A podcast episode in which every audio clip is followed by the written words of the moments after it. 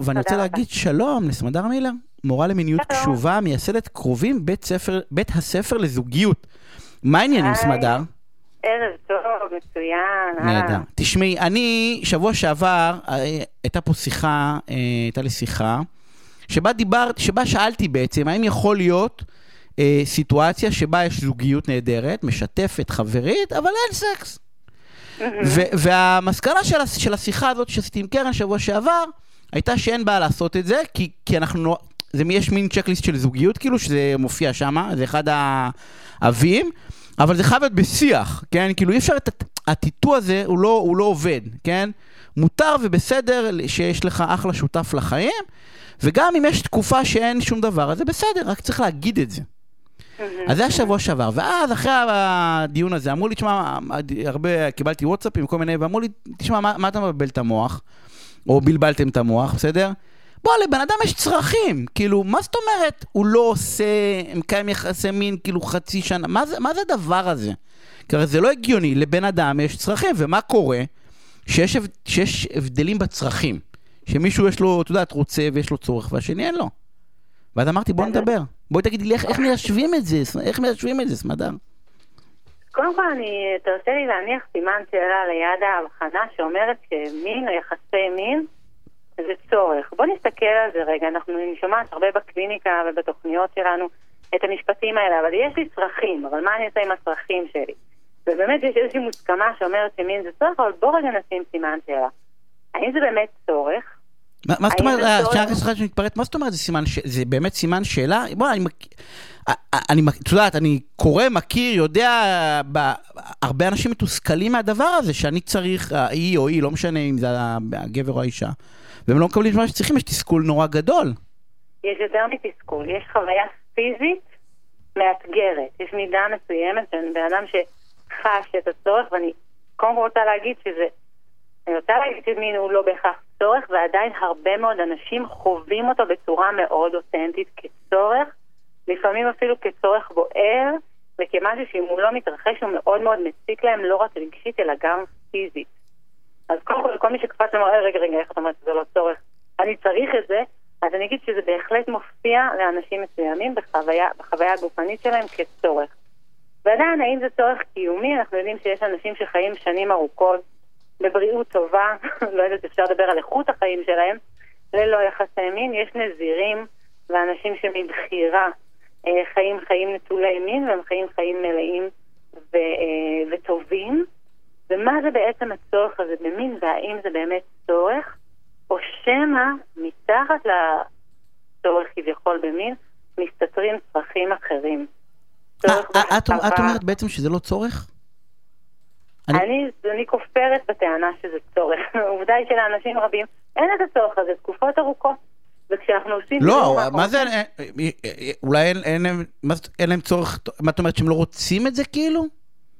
שאין להם את החוויה הזאת שאני צריכה את זה. הם יכולים לרצות או לא לרצות, אבל החוויה של צורך שאני זקוקה לזה, שאם אין לי את זה, אז אני באי שקט או בסבל או במחסור או בבעיה. התחושה הזאת היא לא תחושה אז, שמשותפת. אז מה זוגות כל- רבים עוברים? זאת אומרת, אז מה זוגות, תראי, יש המון המון זוגות, אליי מגיעים בגירושין, אבל את מכירה את זה גם בקליניקה שלך, אולי קצת לפני הגירושין שמגיעים אליי.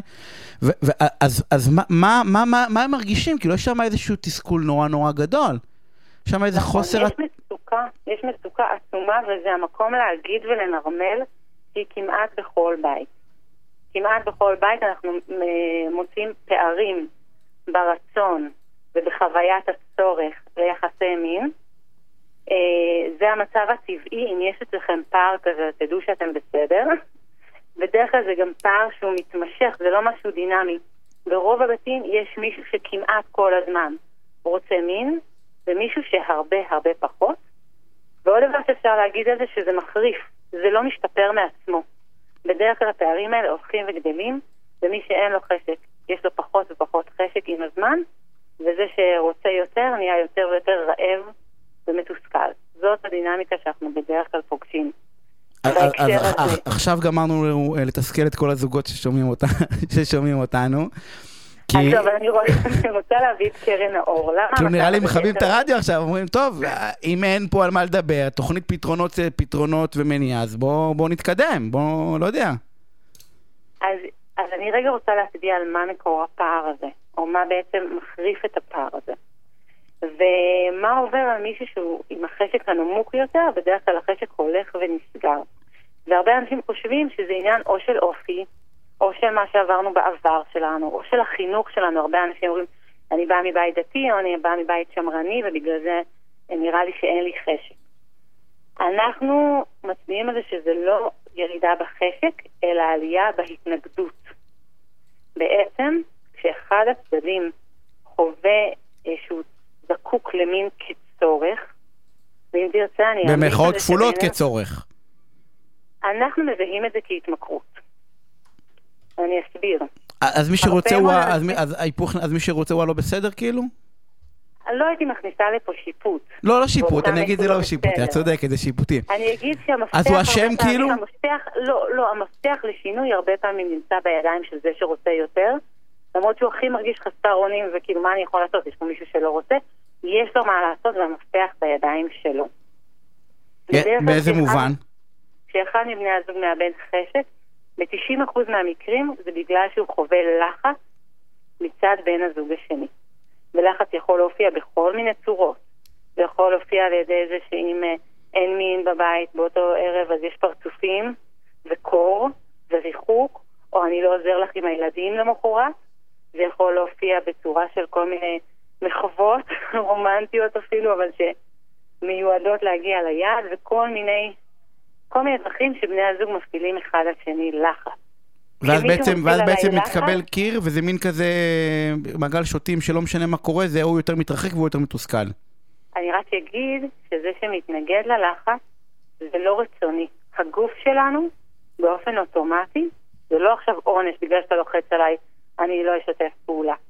זה הרבה פעמים הצד השני מאוד רוצה לרצות, מאוד רוצה להרגיש תשוקה, מאוד רוצה להרגיש מיני, אבל הגוף שלנו ננעל מול לחץ. והדינמיקה הזאת היא שזה ממש מעגל אכזרי. לא, לגמרי, אנחנו הורגים לנו את זה, מה עושים? כאילו, יש, יש, אני אגיד זה, גם אני חושב ששאלתי אותך, אבל זה, זה כאילו על חזור? ממש לא, חס וחלילה. זה כאילו נניח אחרי חצי שנה, שנה בלי, אתה אומר בוא נתקדם, כאילו בוא נתגרש? הייתי זוגות ששנים לא הייתה ביניהם מיניות והיא חזרה ופרחה. חס וחלילה, להפך, וזה ממש חשוב להגיד, אפשר ליצור מיניות טובה, מספקת, מסונכרנת לשני הצדדים, גם בקשרים מאוד מתמשכים, במערכות, אה, בנישואים מתמשכים. אבל, אבל סמדר, איך, איך זה עובד? איך זה עובד? בוא ניקח רגע סימולציה, בסדר?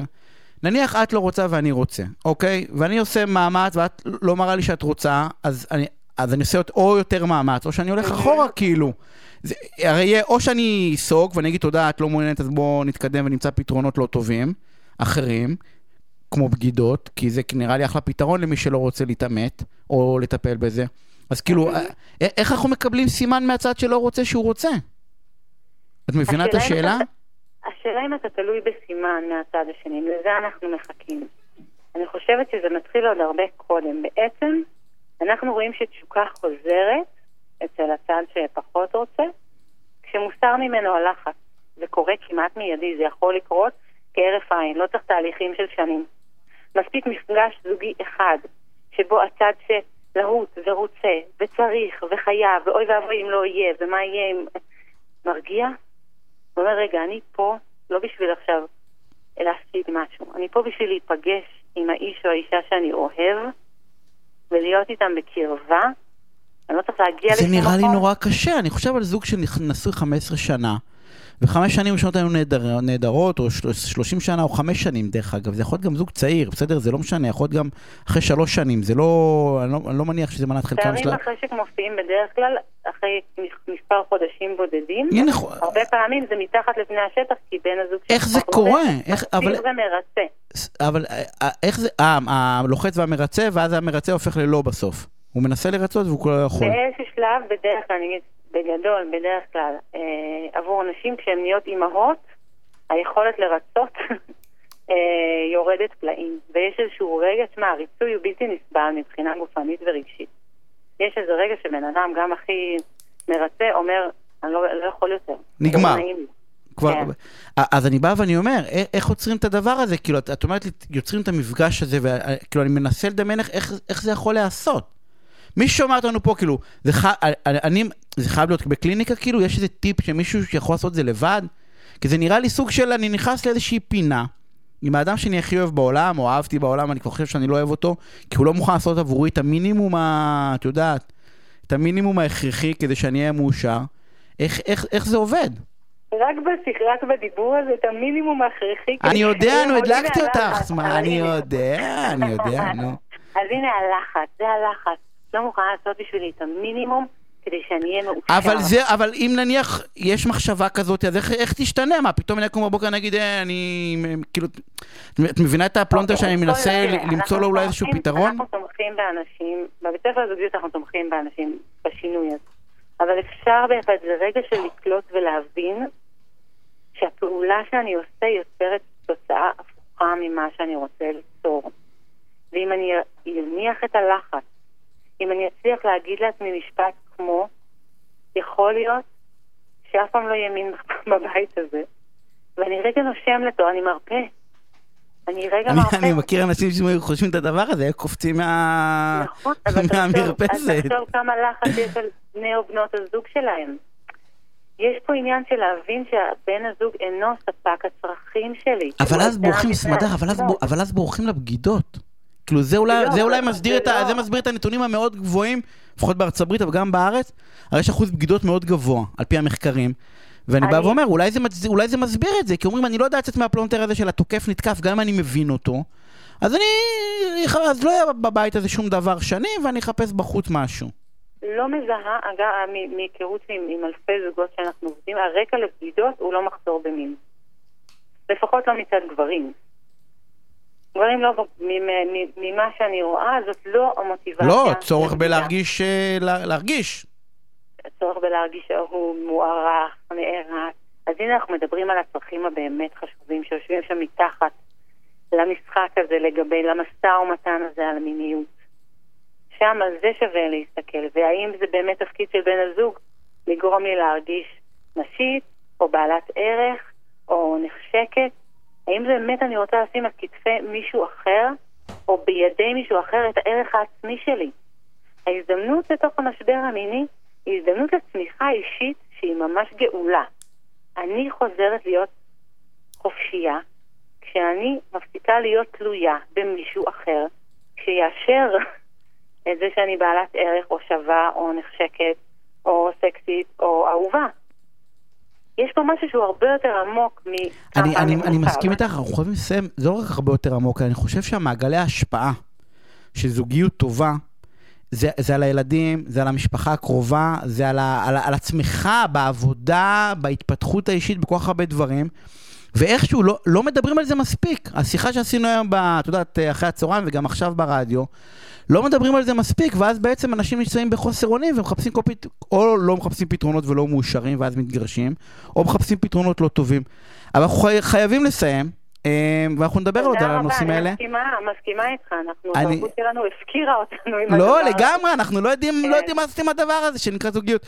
אני רוצה להודות לך שיחה מרתקת הזאת, אנחנו יוצאים להפסקת פרסומות ממש קצרה וכבר חוזרים. ביי ביי.